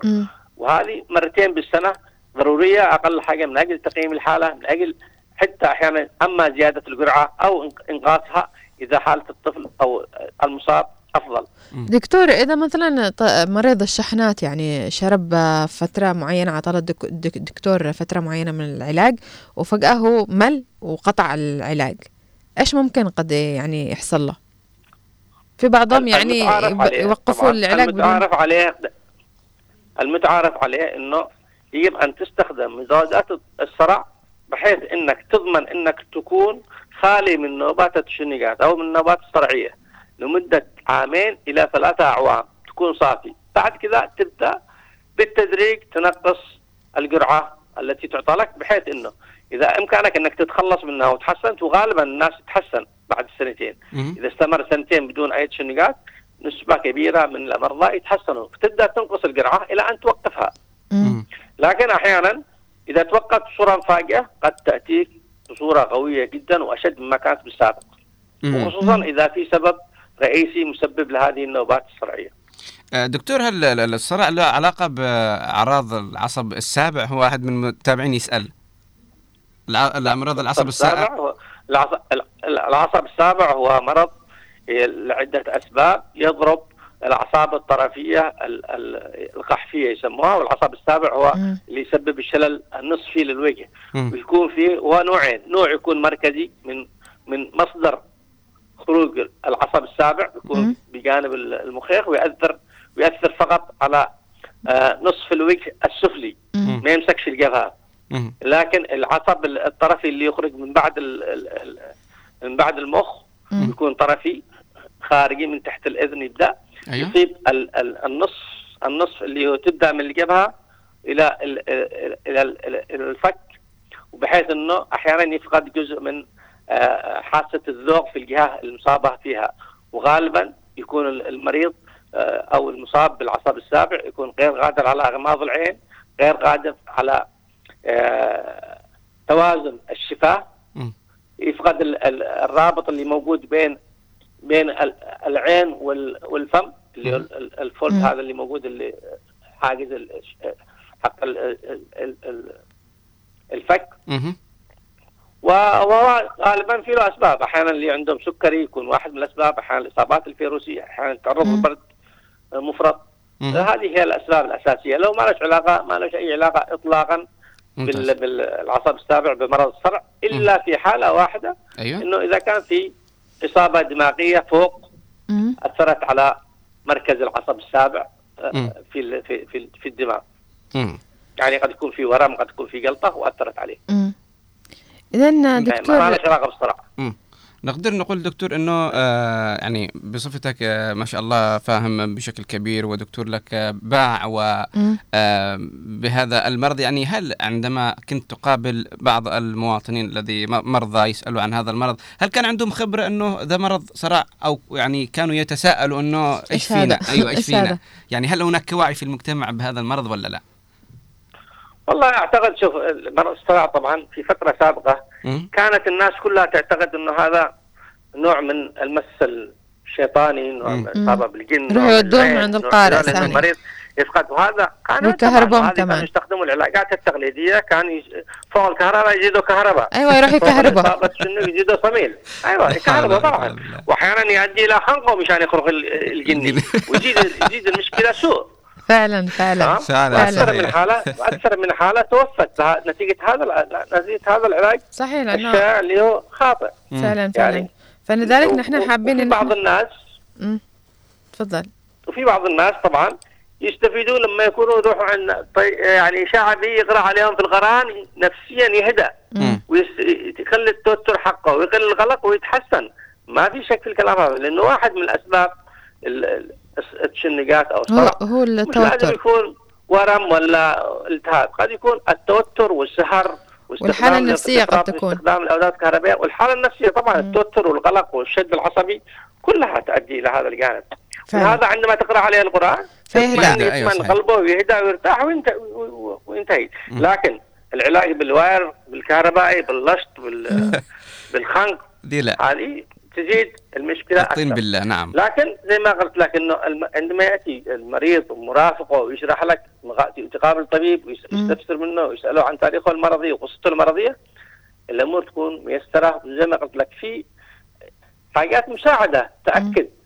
زيادة الشحنات الكهربائية منها تخطيط الدماغ كما أشرنا والأشعة المقطعيه والرنين المغناطيسي ويتاكد لك إنه في شحنات كهربائية أو ما في شحنات كهربائية. واحيانا أحيانا توجد أسباب لها واضحة من خلال الاشعه المقطعية ومن خلال الرنين المغناطيسي. وكما أشرت أنه العلاجات موجودة الآن من سواء كان علاجات تحفظيه بالأدوية أو بالعلاجات الجراحية عبر الجراح. وأحيانا يستخدموا الآن في اجهزه جديدة يسموها محفزات العصب الحائر. اللي سمعت عنها، نعم. فوق, فوق الرقبة. ويستخدموها لتقليل من الشحنات الكهربائية وتساعد. جميل. في في ال- بالجراحه أحيانا جراحة تداخلية واحيانا جراحة خفيفة من بعيد يعني بال, بال تكون يسموها وظيفية لإحراق المنطقة البؤرة التي تؤدي إلى الشحنة الكهربائية. جميل جدا. يعني في كثير من ال- العلاجات ومتوفرة وما فيش خطر ولا طبعاً. على زي ما قلت يا دكتور لابد إن إحنا نكون حذرين آه، في الأدوية يعني ولا يعني خلاص فجأة كذا قررنا نوقف بنوقف ال- يعني يعني طبعا إنك تستخدم دواء لابد أن تستخدمه أقل شيء ما بين سنة إلى سنتين هذا أقل حاجة. مع تجنب الأسباب التي تؤدي إلى زيادة كهرباء الدماغ. منها زي ما قلنا تعاطي المخدرات تعاطي الكحول التعاطي السهر. السهر استخدام الافراط الافراط في استخدام الاجهزه الالكترونيه التعرض للتوتر والشد العصبي الكثير. كل هذه كل ما حاولنا نخفف منها كل ما استعدنا. صحتنا بصورة أفضل وكنا. أكثر أمان. نعم. وقللنا من استخدام الأدوية طبعا. نقلل أنت لما تحسن تقلل من استخدام الأدوية. صحيح. لكن أنت لما. يكون القلق عندك كثير وعندك شد عصبي كثير تضطر إنك تعطيه جنب الصرع تعطيه دواء مهدئ صحيح. دكتور. بعدين ما تعطي له حبة ولا حبتين تعطيه أربعة ولا خمس. فعلا. ولهذا العامل النفسي عامل أساسي في معالجة المريض. فعلا فعلا. خلينا نقول الدكتور كلمة أخيرة حابب أنك توجهها للناس اللي يسمعوك الآن. اولا أوجه ال- ال- الأخوة المواطنين اولا لابد أن يتعاملوا مع كل حالة شنقات عصبيه على إنها مرض.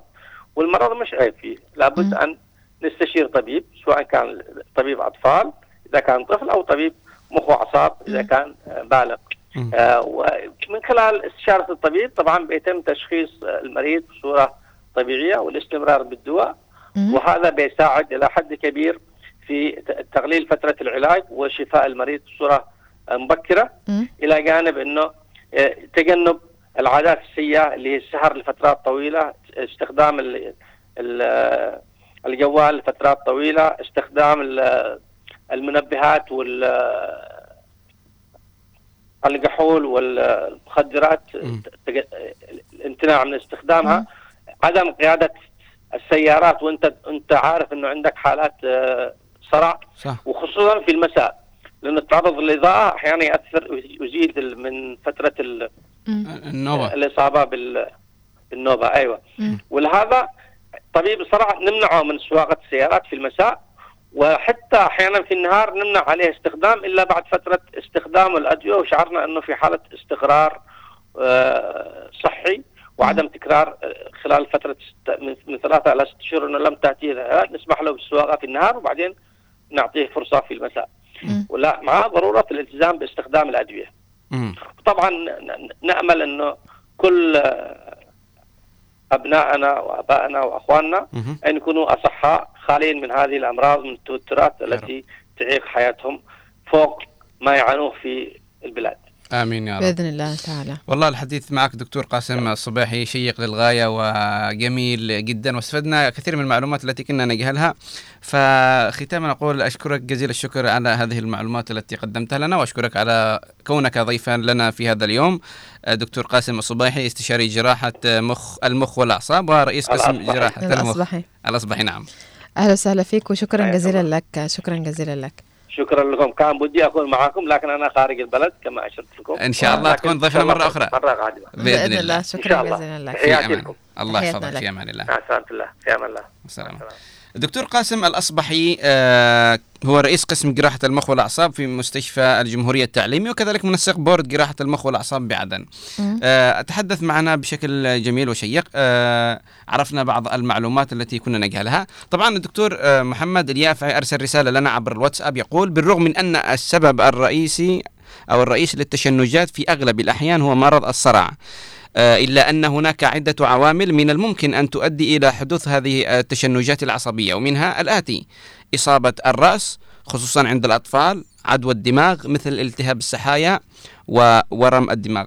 فعلا بر- برضو آه، التهاب السحايا أو مرض السحايا أنه آه، يعتبر من أشد آه، الالتهابات أنا سمعت عنه أنه مرض خطير جدا أنه قد يدخل جسم الإنسان بحرارة مرتفعة جدا تدخله في صحيح. نوبات تدخله في قد يفقد في عقله آه، يعني. غيبوبة. نعم أيوة.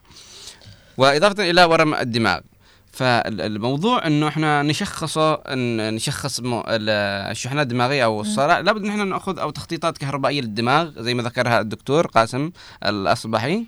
وكمان قال إنه آه، التصوير المقطعي المقطعي. المحوسب أو اللي هي ال CT وكذلك التصوير بالرنين المغناطيسي ال MRI ال MRI هذه الثلاثة نقدر نستخدمهم ونس... لاكتشاف آه، أيوه يعني ما إذا المرض. كنا مصابين. ومدى درجة الإصابة وإلى فلا آخره تستهونوش لا تستهونوش بهذا الموضوع لأن الموضوع هذا بجد يعني إذا استهونا فيه وسكتنا على نفسنا بنوصل لمرحلة إنه يعني يغمى علينا ونتشنج ونصاب بالصرع فلذلك دعونا يعني نهتم بصحتنا ونهتم ب بعافيتنا ونعمل جهدنا إننا ما نصابش بهذه الأمراض بإننا ننام كويس نحافظ على تغذي- تغذيتنا آه، ما نمسكش ال- يعني التليفون نحطه تحت مخدتنا. في ناس يناموا والتليفون تحت مخدتهم يا غير هي دي المشكلة. يعني مشكلة كبيرة. أنا عن نفسي لما آه، يعني التليفون أول ما خلص بنام أوديه بعيد. لا عادهم تعودوا بعضهم اللي قبل ما ينام يقيس يتصل ألو كيف الحال؟ يقيس ساعتين يتصل بعدين يحط التليفون جنب رأسه. فعلا. فهذا يعني آه، رغم جهلنا بهذه الأمور إلا أنها تعتبر من الأمور الخطيرة التي ممكن تسبب لنا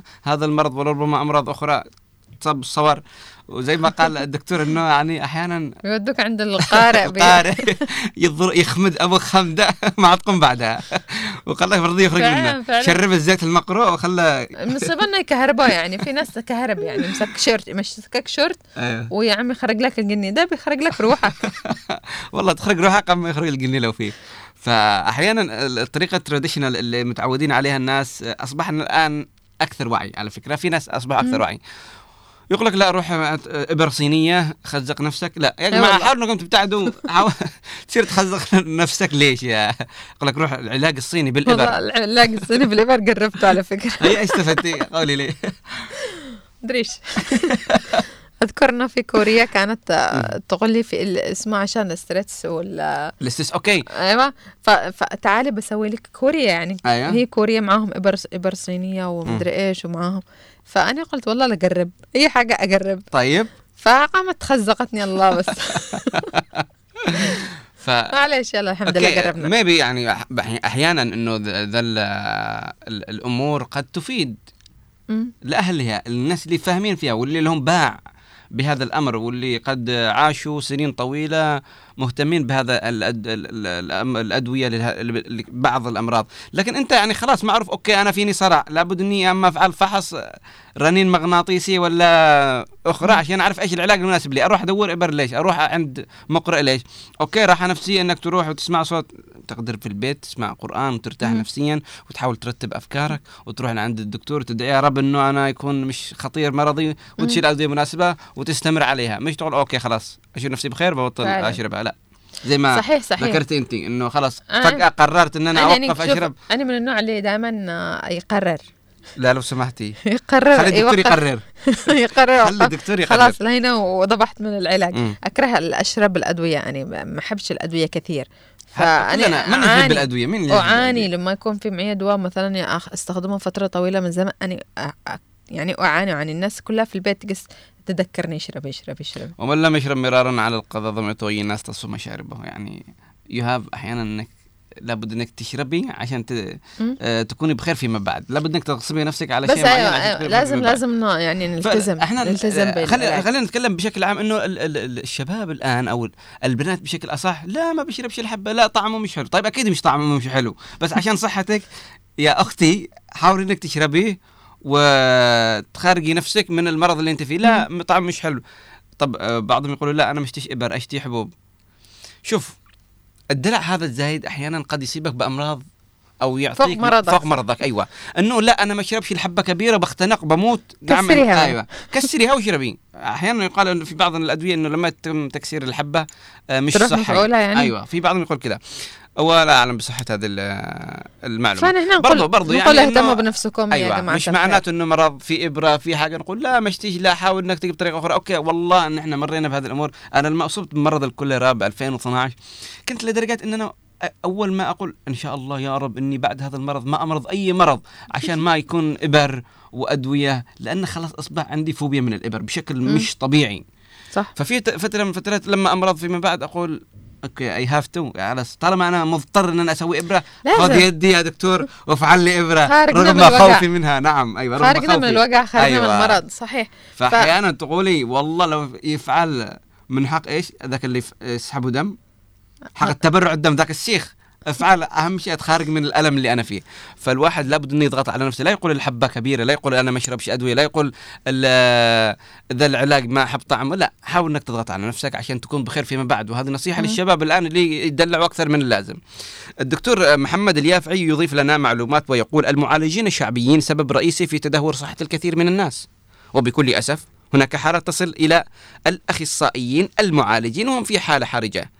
يقول لا يوجد قراءة ولا رقية شرعية أمام تطور العلم. أن آه، الجهل المنتشر بين عامة الناس السذج ساعد أولئك المشعوذين في الانتشار واستغلال حاجة الناس للعلاج. فأنصح الذين يعانون من أي مرض بألا يلجأوا إلا للطبيبة طبعا دكتور محمد آه، أضيف معلومة إنه الآن أصبح ناس يتجهوا إلى الطب الشعبي بشكل فظيع جدا وفي الدول الغربية يروح عند شخص يسوي مساج يروح شخص إنه يحط آه مدري إيش زي الحجامة نار داخلها بعدين يحطها على ظهره.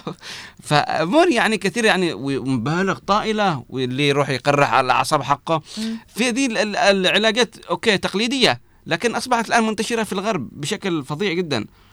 إيه، okay إذا انتشر الحجامة okay مش مشكلة. الحجامة إحنا نعرفها وموجودة في ديننا والرسول صلى الله عليه وسلم أوصى بها. آه، لكن ال- ال- المعالجين الشعبيين اللي هم كاذبين ومشعوذين هم أصلا أيوه يعني مش آه، إحنا كمواطنين نشجعهم على هذه الأمور بأن إحنا نذهب إليهم كل مرة ان إحنا نلجأ إليهم في كل مرض. فاحنا نعطيهم آه، ال- السلطة علينا ونعطيهم الباور انهم إنهم يثقوا بأنفسهم. إنهم لا مثيل لهم على هذه البسيطة. فيجب هناك أطباء درسوا تعبوا واغتربوا ويعني عانوا معاناة عشان إنهم يوصلوا يعني يعالجونا ويعطونا العلاج ال- الكويس. فهم أولى إننا نحن نروح ونتعالج عندهم. آه، ونطمئن على نفسنا عند ناس درست وتعلمت. ويعني آه، تعبت عشان توصل للي وصلوا له فخلونا نهتم بصحتنا خلونا آه، من من يعني نسيبش أي حاجة مثلا أو إشارات مم. نقول ه- تعطينا دماغنا يعطينا إشارات جسمنا يعطينا إشارات انه أنا مش بخير فروح عالجنا روح أحيانا نفس نفس الواحد يقول والله أنا أحس إنه أحيانا آه ال- تحس- أمي دائما تقول لي الإنسان طبيب نفسه. أيوة. الإنسان يعرف إيش اللي يمرضه يعرف إيش أنا أكلت حاجة الفلانية بكرة مرضت أجاني إسهال أقول أكيد حاجة كذا كذا. الإنسان ضروري إنه يكون واعي الإنسان اللي مش واعي إيش اللي صار معه إيه، الواعي- وإيش اللي حدث معه.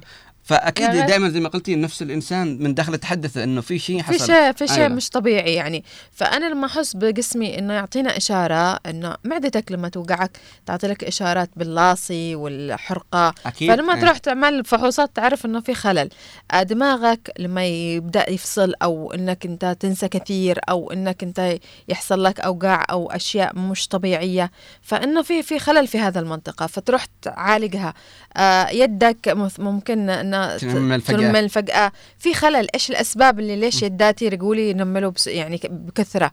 آه كثير من رسائل الجسم يبعثها لنا لكن في البعض يعني يكون آه، ما يركزش على هذه الرسائل. فنقول ركزوا على رسائل آه، أجسادكم مم. وعرفوا إن فين الخلل وروحوا عند الأطباء المناسبين للمرض المناسب، للمرض اللي قد تواجهه.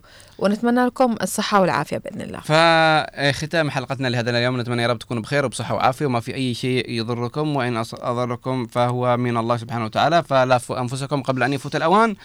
آه، نشكر كل من استمع وكل من شاهد وكل من شارك. نشكر كمان ضيوف ضيفنا اليوم لهذا اليوم.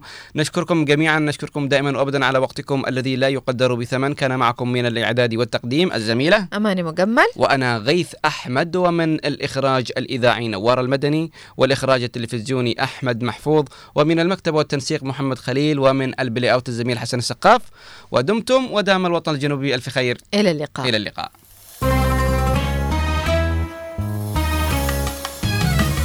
حبيبي.